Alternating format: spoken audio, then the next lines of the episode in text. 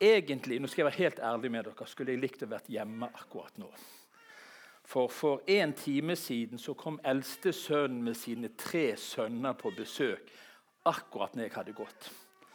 Og nummer to der, Christian, han ringer sånn annenhver dag på FaceTime. Han får hjelp, og sier 'Faffa', sier han. 'Faffa'. Og så er jeg ikke der når han kommer. Kan du tenke deg for en velkomst? Så jeg må rekke hjem til de skal våkne ifra hvilen, at jeg kan stå der. De, er det greit, det? Så da går jeg midt i preken hvis det blir for lang tid. Bare så dere er klar over det. For det med tro i hjemmet det handler om nærhet, det handler om relasjon. Det skal vi si litt om.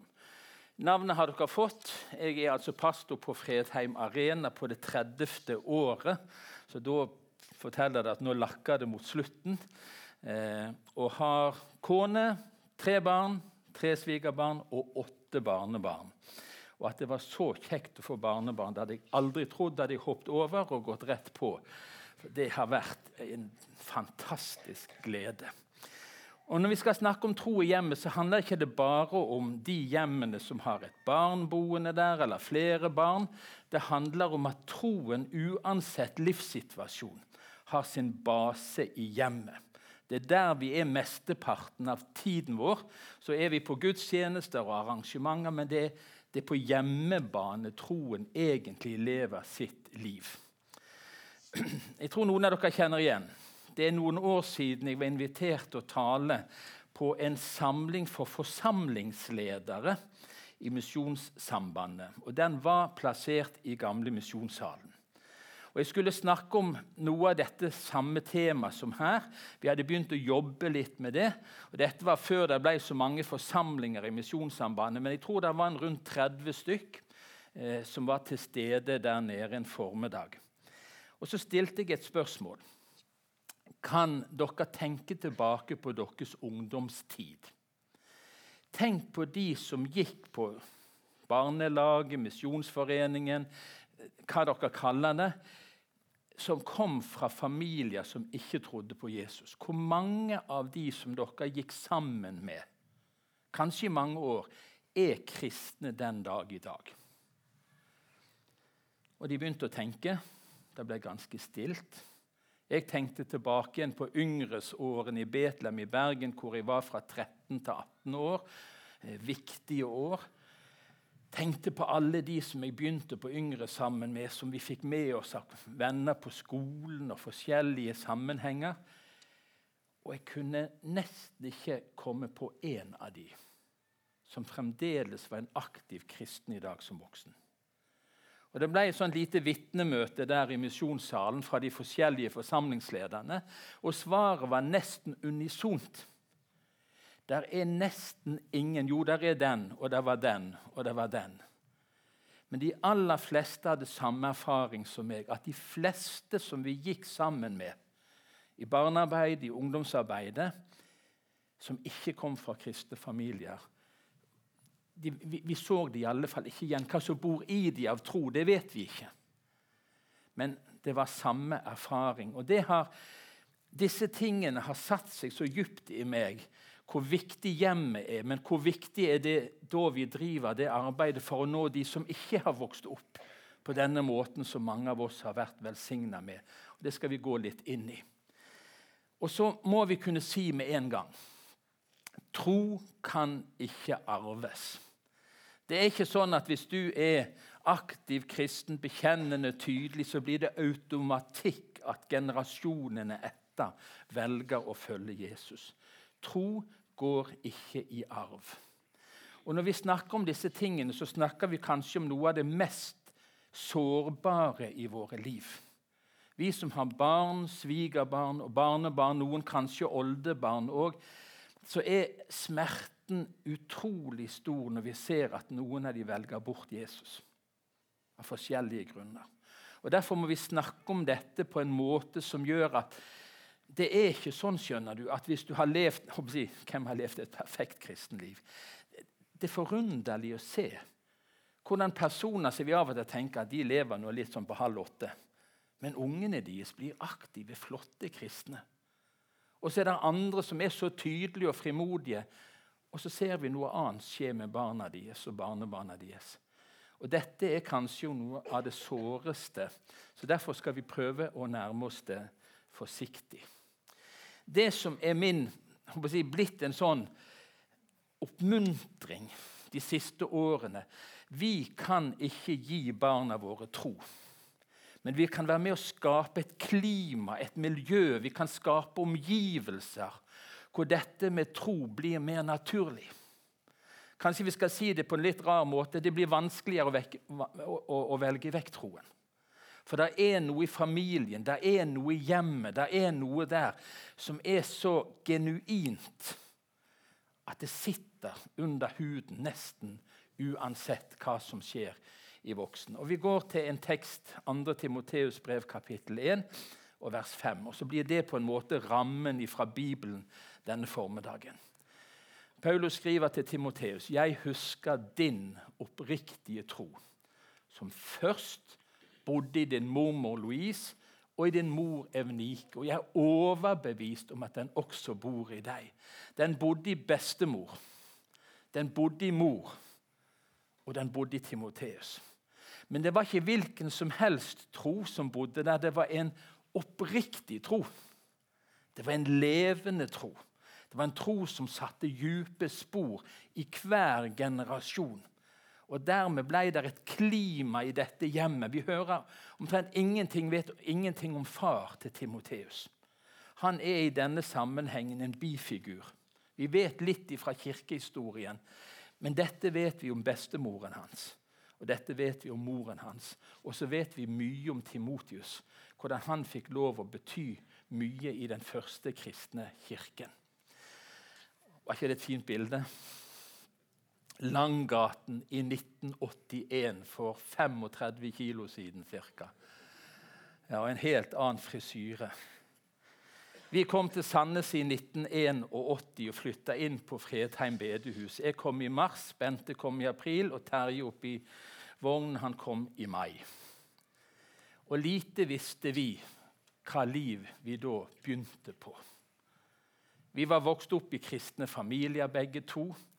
Men vi, ingen av oss måte, hadde lært verken hjemme eller sånn på bedehuset liksom, hvor viktig dette her var. Jo, vi hadde gjerne andagsstund. Og Av og til sang vi noen av de sangene som jeg ikke liker å synge lenger. sant? Gud vil jeg skal være et solskinnsbarn og lyse for ham hver dag. Og så så mor på oss. Runa, husker du hva vi sang? sant? Det kunne vært et vers om solskinnsforeldre, spør du meg. Like mye. Men det var mye vi ikke visste. Og så gikk vi i gang på et prosjekt uten ekteskapskurs og alt det som nå florerer. Lappen må du ta, det koster en formue sånn, for å lære å kjøre bil.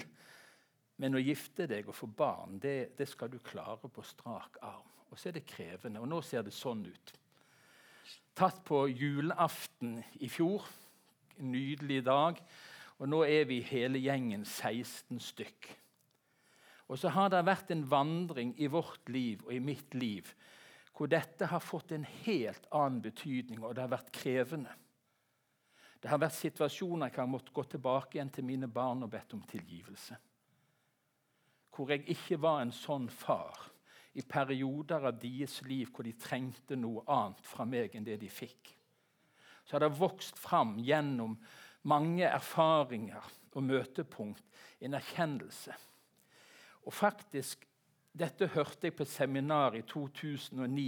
Fikk lov å være sammen med en kollega i Amerika på et seminar. To nordmenn og 2500 amerikanere.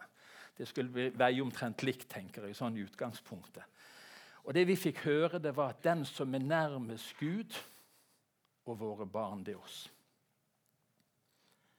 Og Det setter på en måte dype spor når du hører det. Du vet det kanskje sånn intuitivt, men når du får høre det svart på hvitt, og du får det eksemplifisert på så mange måter, så setter det seg at du som er forelder Der er ingen andre som er så nær Gud og ditt barn som deg. Du har en helt spesiell rolle. Så fikk vi høre en ting til. Du har innflytelse på dine barn ikke bare så lenge du lever, men så lenge de lever. Det Det ikke mange ukene siden jeg satt og tenkte på far i en gitt sammenheng. Han døde for mange år siden. 91 år gammel, mett av dage. Men han har innflytelse på mitt liv den dag i dag.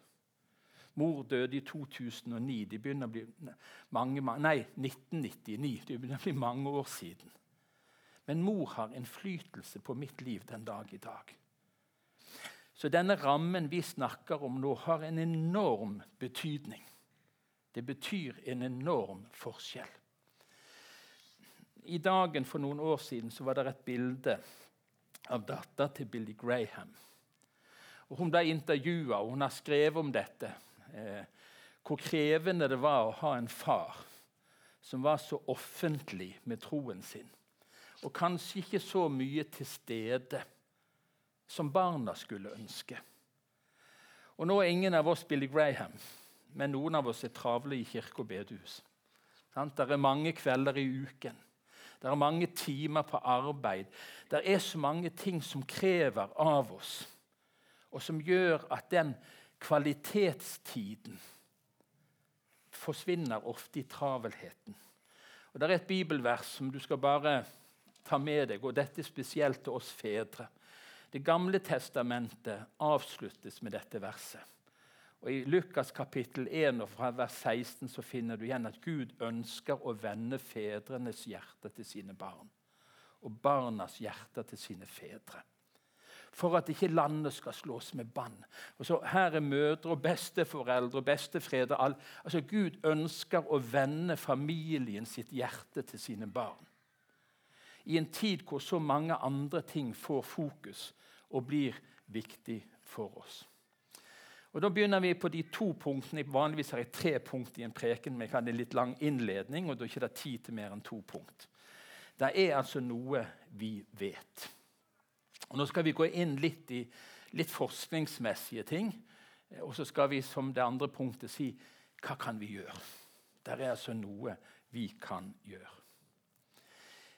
Barn og de unge er som regel et par timer i uken i kirken eller på bedehuset. Eh, noen plasser, kanskje i Misjonssambandet, ikke minst, jeg forstår, der kan du gå tørrskodd for barnehage til universitet uten å trø en fot ut i verden hvis du bare følger alle NLM-skolene. Så, så, Dere har jo kanskje en litt annen sånn, men det er ikke mange som har det sånn. De fleste er innom kirken av og til. Én-to timer i uken. 168 timer er der i uken. Hvor er de ellers? Jo, barna er mest hjemme noen i barnehage og skole. Men vi har en så massiv mer tilstedeværelse i våre hjem enn det vi har i våre kirker og våre bedehus. Og Fra amerikanske undersøkelser så vet vi at det er entydig, entydig påvist at mor og far har den absolutt største påvirkning på barn og unges trosliv. Og når jeg hørte den der, eller så den statistikken for første gang, ble jeg litt deprimert. Fordi der var jeg altså far, pastor og bestefar. Så tenkte jeg kjære Gud, det er litt av et ansvar. Å være en så viktig person i barna og de unge sitt liv. Det er krevende, og det er utfordrende. Men relasjoner trumfer i disse undersøkelsene, i alle fall internasjonalt, all aktivitet når det gjelder påvirkning til tro. Og så vet vi at foreldre har to til tre ganger så stor påvirkning på et barns tro enn det kirke- eller kristent barne- og ungdomsarbeid har. Og jeg elsker at dere har begynt med Havana. Vi tror det er et kjempegodt verktøy. Vi har barnekirke, dere har ungkirke, vi har klubber, foreninger og lag. Vi, vi gjør hva vi kan for å hjelpe barna til å bli glad i Jesus og følge han. Men det aller viktigste stedet for formidlingen er hjemme. Det er i de nære relasjonene. Nå er det to eh, unge menn som forsker på dette i norsk kontekst. Roald Seifert er den ene. Eh, han har nå begynt å sluppe noen tall fra norsk eh, undersøkelse. Han har undersøkt mellom 16 og 25 år, tar doktorgrad på det. Andreas Bjørntvedt, som også er pastor på Fredheim, han snakker med 30-40-åringer eh, og tar doktorgrad på hva er det som har hatt betydning for norske barn og unge. Så nå vil vi snart få helt ferske norske tall. Og Det som Roald har kommet fram til, det er at åtte av ti eh, som er kristne i dag, av ungdom, har foreldre som er aktive kristne. 80% av de som regner seg som kristne i et barne- og ungdomsarbeid, har aktive kristne foreldre. Og så mødre kommer dagens oppmuntring eller utfordring. Mor er viktigst i de norske undersøkelsene som kommer fram nå. Og det kan ha med at far er mer fraværende i trosformidlingen. Og Derfor pleier jeg alltid å avslutte når jeg har foredrag. Jeg har ikke foredrag i dag. I dag er det en sånn blanding mellom foredrag og preken. Og be fedrene reise seg og be for dem. For det bibelverset som jeg siterte, at Gud ønsker å vende fedrenes hjerter til barna Mødrenes hjerter er der allerede. Sant? De er allerede så tett på og i trosformidlingen i de fleste tilfeller. Men vi fedre ligger litt langt bak. Det som er positivt, det er at kristent barne- og ungdomsarbeid, leirarbeid og kristne venner ser ut til å ha større betydning blant norske ungdommer enn det de hadde blant amerikanske. Så det skal bli spennende å se når disse tallene blir mer åpenbart. Det er et sånt bilde som jeg elsker. Der har vi fem av barnebarna våre. Vi hadde ikke mer enn de fem da. Nå har vi altså åtte.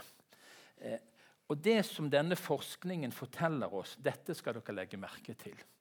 Hvis du har et nært forhold til foreldrene og besteforeldrene dine, er sjansen dobbelt så høy for at du vil tro og tenke det samme som dem seinere i livet, enn om relasjonene er mer distanserte. Eh, vi er NLM og IMF. Vi er de bibeltroe. Er vi enige om det? Vi liker å omtale oss som de som tar Bibelen på alvor. Det er viktig. Eh, saken er at hvis det er bare harde sannheter som formidles i hjemmet, så virker det mot sin hensikt. Det som er helt åpenbart i all forskning, det er at det er nærheten i relasjonen som er det grunnleggende for formidlingen av troen. Det handler om å være til stede, være nær, formidle ting med varme. Det handler ikke om bare å fortelle sånn er det. Take it og leave it. Jo, det er sånn som det står.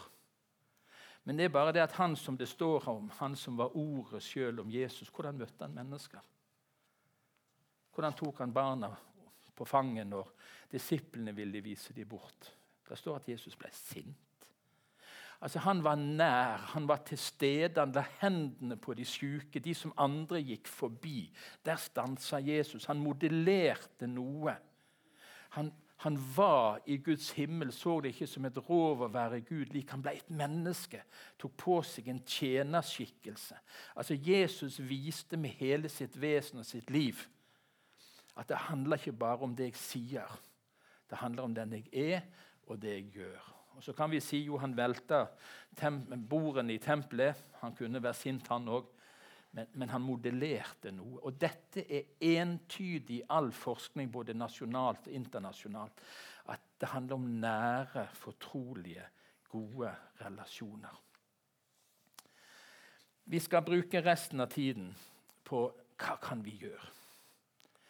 Tenk om det som skjedde i kirken. Og nå sitter de inne noen steder her og får hørt Guds ord.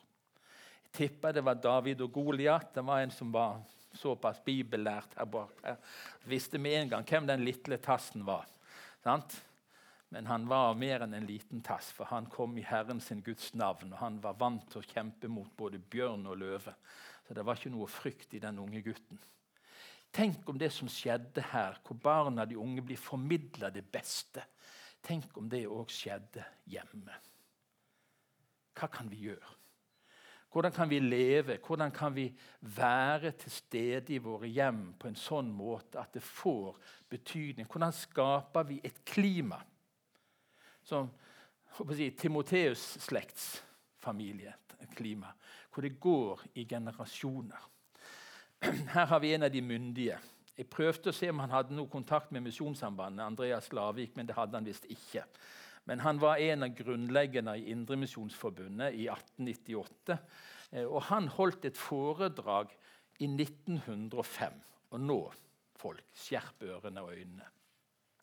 Og han sa eh, i Betlehem i Bergen på et høstmøte det første som må betones, det er at foreldrene ber om visdom fra Gud, så de ikke i et falskt trangsyn og dømmesyke stenger for det som de uten skade kunne åpne for. Hørte jeg et amen? Eller ble det litt heftig? Altså, dette er ikke noen unge, moderne, liberale teologer.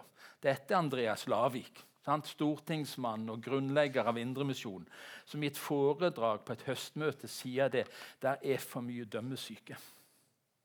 Og Nå skal jeg komme med det eneste sleivsparket til NLM i dag. Tåler dere det?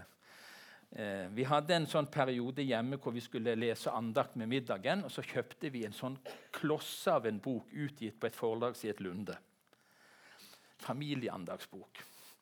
Og Etter to uker så heiv vi den i bosset. Det var så mye formaninger. Det var så lite evangelie at vi sa at vi kan ikke la våre barn bli utsatt for det. Det var så mye de burde og de skulle, og så lite hva Jesus hadde gjort. At vi tok rett og slett og heiv hele andagsboken i bosset. Det er falsk dømmesyke, unødvendige. Vær forsiktig, lille. Vær forsiktig, lille. Ikke storme inn i stua før du har tatt av. Det er så mange formaninger, det er så mange gode og velmente råd som gjør at våre barn og unge av og til ikke får høre om nåden. Møte evangeliet. Og Dette er noe av det viktigste vi må formidle til våre barn i våre hjem. Vi må formidle nåden. Hva er det du er avhengig av, du som er voksen? Ikke du avhengig av nåden? Hver eneste dag trenger du nåden. Hver eneste dag trenger ungene nåden. Jo visst skal vi gi dem leveregler og veivisning, men denne der at alt er så farlig, er ikke den beste måten å oppdra barn på. Jeg spurte far begynte, altså, da, Min far var altså predikant, og da var han rektor på bibelskolen vår i Bergen. Jeg spurte han I syvende klasse så spurte jeg far kan jeg få gå på skoledans i kveld. Hva ville dere ha svart misjonssambandsforeldre? Hvis en syvendeklassing som nettopp hadde begynt på ungdomsskolen, kom og spurte kan jeg få gå på skoledans, så sa far ja, det kan du. sa han. Bare gå. Da ble jeg skuffa. For jeg hadde ikke det minste lyst til å gå på skoledans. Men jeg testa far. Og så sa far egentlig, 'Runa, jeg tror på deg. Jeg stoler på deg.' Det som jeg har lagt inn i deg, det tåler en skoledans. Jeg hadde planlagt hvis han sa nei. Vi bodde i en lavblokk i første etasje, og mitt vindu var bare halvannen meter over bakken. Jeg hadde planlagt å gå inn på rommet og smelle med døren og hoppe ut vinduet og gå på skoledans hvis jeg ikke fikk lov. Men jeg gikk ikke, for jeg fikk lov. Smart. Det kan hende det at han burde ha sagt altså, søsken kan jo ikke behandles slik, Da blir det feil, for vi er så forskjellige.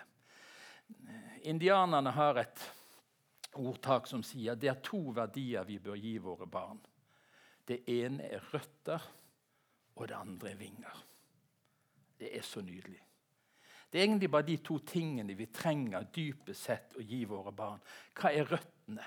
Disse ordene som jeg pålegger deg i dag, skal du bevare i ditt hjerte. Du skal gjenta dem for dine barn og snakke om dem når du sitter i ditt hus, og når du går på veien, når du legger deg, og når du står opp. Altså, Hele livet skal være omkranset av ordene ifra Gud. De skal synges inn, leses inn, bes inn, fortelles inn. Sånn som den nydelige fortellingen du hadde her. Den har jeg lyst til å kopiere, eller gi meg i alle fall, for den var god. Sant? Forkynt inn, formidla inn, levd i våre liv og gitt videre. Da gir vi de røtter. Min far hadde altså i, fram til 7. klasse gitt meg nok røtter til han tørde å sende meg på skoledans. Men røttene mine gjorde at det gikk ikke. Det var et eller annet som, som sunt og godt var poda inn. Røtter. Det andre er vinger. Dere foreldre, vekk ikke sinne og trass hos barna deres, men gi dem omsorg så de får en oppdragelse og rettledning som er etter Herrens vilje. Vekk ikke sinne og trass. Gi de lov å fly. Gi de lov å utfolde seg. Gi de lov å prøve seg. For hvis ikke de får lov på en sunn og god måte fordi du har tillit til dem når de bor hjemme, så finner de veien sjøl seinere. Du kan være helt trygg. Og det handler om å finne den gode balansen mellom røttene og vingene. Nydelig bilde på hvordan vi kan skape et klima for tro i våre hjem. Nå er dere ikke i gamlesalen lenger skal dere få et sitat fra doktor Roland Martinsson, som er en som har forska både som professor i teologi og mange mange år i lokal menighetspastor. Og Han sier hva menigheten skal gjøre. Menighetene gir foreldrene trosundervisning, slik at de blir utrusta for samtaler, bønn og bibellesning i hjemmet. Det viktigste menigheten gjør for menighetens barn, vet du hva det er? Hjelpe foreldrene og besteforeldrene. Det er viktig det som skjer her inne i disse forskjellige rommene. Men det viktigste menigheten kan gjøre, det er å hjelpe dere som har barn. Enten det er fadderbarn, tantebarn eller egne barn, barnebarn. Det viktigste menigheten kan gjøre for barne- og ungdomsarbeidet, er å hjelpe foreldrene til å fungere som kristne foreldre. Skape et trosklima i familien på hjemmebane. Det ser av og til litt uryddig ut. Og en av hovedgrunnen til at ungdom forlater troen, det er de sier at det er for stor forskjell på foreldrene mine fra søndag til mandag.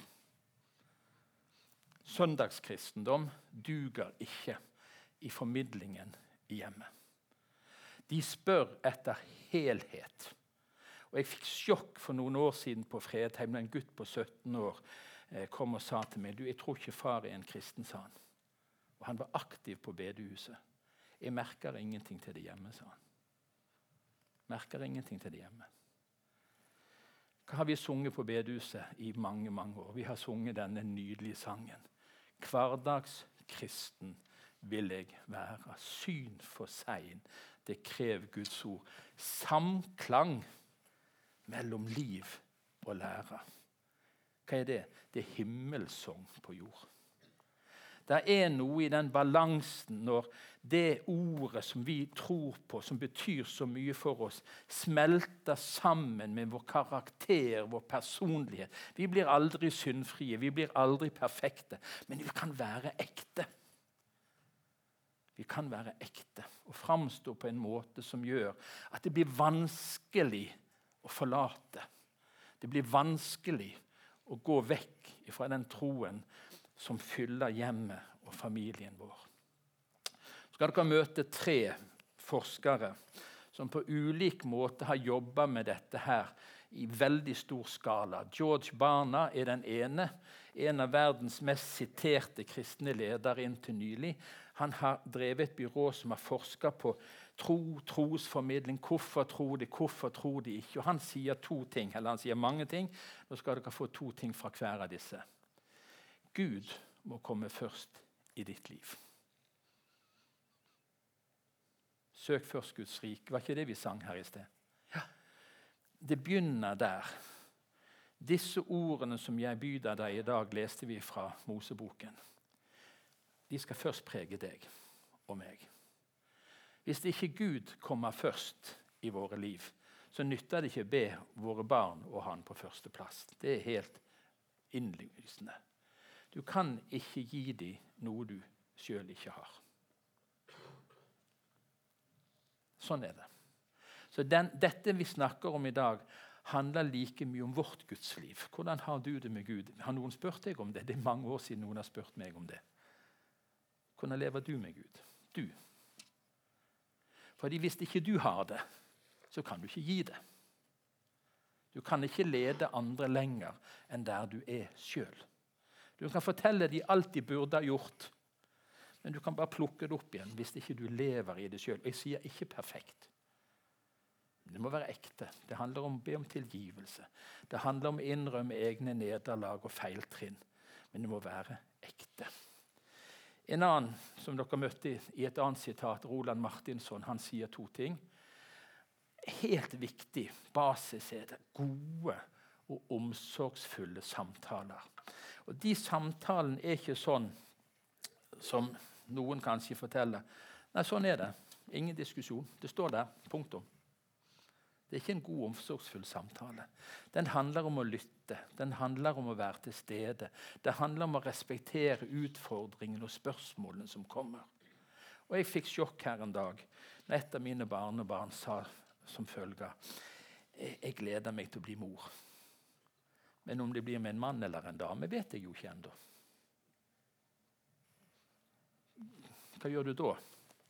Leser du romerbrevet og ja, klistrer det opp etter veggen? Eller setter du deg ned og spør hvorfor tenker du sånn? Hva det, hva, hva er det som gjør at dette er blitt en sånn usikkerhet for deg? Skal vi snakke litt om det? Hvordan møter du disse tingene som blir for vår si, generasjons barn en helt annen enn når vi vokste opp? Problemstillinger som ikke vi var borti når vi var barn og tenåringer, er helt naturlige for dem gode og omsorgsfulle samtaler. Og Så sier han det er en god kraft i ritualer og tradisjoner. Det som er vevd inn i livet fra barnsbein av, opp gjennom tiden, gjennom barne- og ungdomsår. Eh, på dette seminaret i England, Amerika i 2009 så var det en professor. Han hadde én sønn. Av en eller annen grunn så hadde han begynt når sønnen var liten og bodde hjemme. Hver kveld gikk han inn på rommet og så la han hendene på sønnens hode så sa han, 'Herren velsigne deg og bevare deg.' 'Herren la sitt ansikt lyse over deg og være deg nådig.' Hver kveld. Så reiste han på universitet, og hver kveld ringte sønnen hjem. 'Far, jeg må ha velsignelsen.' Et ritual, en tradisjon vi skal jo ikke ha ritualer vi er på bedehuset. Selv om det, vi er så pirfulle av ritualer at det, vi bare ser det ikke. Men dette betyr noe for barn og unge. Det er jo derfor vi synger de samme sangene og leser de samme bønnene. Kan de forlengs og baklengs. Av og til leser vi bøker for dem som vi òg kan utenat. Sant? Men hopper du over en setning, så tar de deg med en gang, for de kan den setningen. De elsker det som er ritualer og tradisjoner. Det betyr så mye. Bygg det inn stødig. Gjenta det. Og Så kommer min favoritt av alle forskere til nå. Han er svenske aner, vi skal ikke bruke det mot han. Han fulgte 356 familier i 35 år. Han forska på fire generasjoner, og spørsmålet var hvordan går tro videre mellom generasjonene. I 35 år fulgte han disse personene. Og han, Der er det så masse at det kunne vært to foredrag på rappen. Jeg tar med bare to ting. Veldefinert tro og trospraksis. Han sier at du må ikke være redd for å være tydelig med troen din. Eh, og Vi har sikkert lest Carl Witzløff sin bok mange her. 'Jeg vet på hvem jeg tror'. Og Han sier det. Det er ikke farlig å være overbevist og være skikkelig hekta på Jesus. Det er bare positivt, sier han men at det er en klar, definert tro. Men at det òg er praksis, at tro ser ut som noe. Tro sitter ikke bare her eller her. Tro ser ut som noe i livet. Og så sier han en ting som alle pastorer elsker. Tydelig og definerte bånd mellom familie og menighet. It takes a village to raise a child, sier afrikanerne.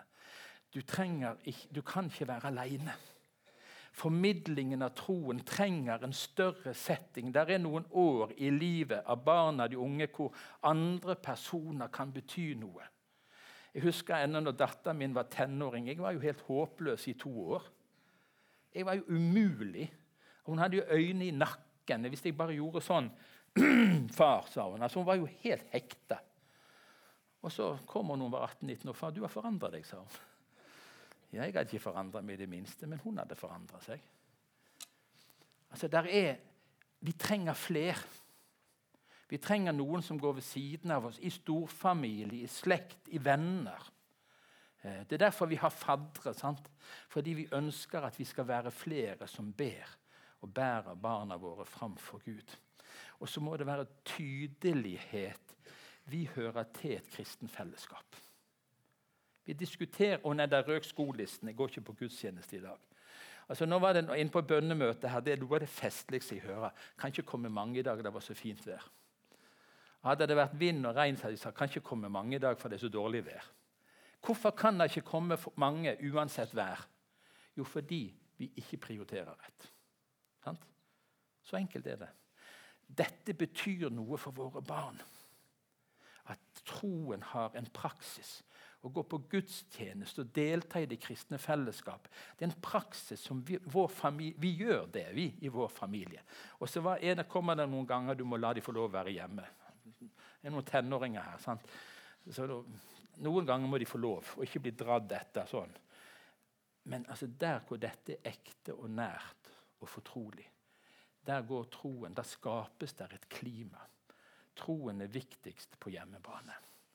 Og Da oppsummerer vi, for nå tror jeg jeg har brukt den tilmålte tiden. Kom igjen. Den. Bare en liten bukett. Hva praksiser er det som hjemmene gjør at barn og ungdom, når de blir voksne, forteller fordi det skjedde hjemme, fordi det skjedde hjemme, så har troen blitt umistelig for meg. Det handler om gode, omsorgsfulle samtaler. Det handler om at troen er en hengiven tro. Jesus betyr noe for meg. Altså, Jeg spør av og til foreldre har ungene tatt deg på fersken med en åpen bibel. Er du blitt avslørt når du ber? Eller hører du du kommer i trappen, så tenker du 'vekk med Bibelen'? Og, altså, er, de merker det, at det er en hengivenhet i gudsforholdet. Men ikke bare det. Det er en hengivenhet overfor barnet og den unge. Det handler om å gjøre noe sammen. Det å være i tjeneste sammen er en utrolig styrke for trosformidlingen. Ritualer og tradisjoner. Eh, dette å våge å sette mål, som òg handler om tro og trosliv. Og det siste at det er samsvar, samklang, mellom liv og lære tro i hjemmet. Det er det viktigste stedet troen leves, både inn og ut. Det skjer hjemme. Og vi har en hjemmebanefordel, folk. Hvis trosklimaet blir sunt og godt, og det blir en oppriktig tro, så blir det vanskeligere å velge den bort. Men de velger sjøl. Da hender det nok at noen hver av oss har tenkt om en eller to av ungene våre nå Gud, må du overta, for nå hører de ikke på oss lenger. Alt de kan gjøre nå, det er å be for dem.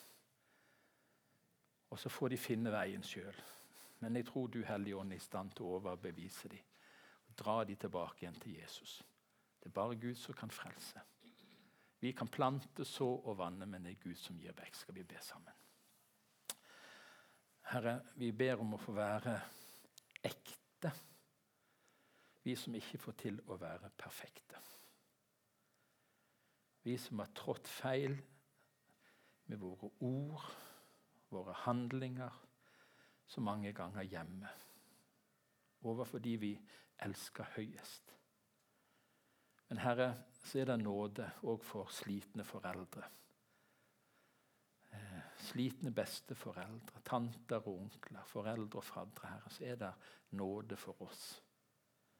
Men Herre, vi ber om å få vokse i den nåden på en sånn måte at barn og unge som kommer i berøring av oss, merker at vi har møtt en nådig Gud. Fordi vi blir nådige i møte med dem. Velsign hver enkelt familie som er her inne i dag. Herre, jeg ber om at troen må finne et godt feste i hjemmet. Amen.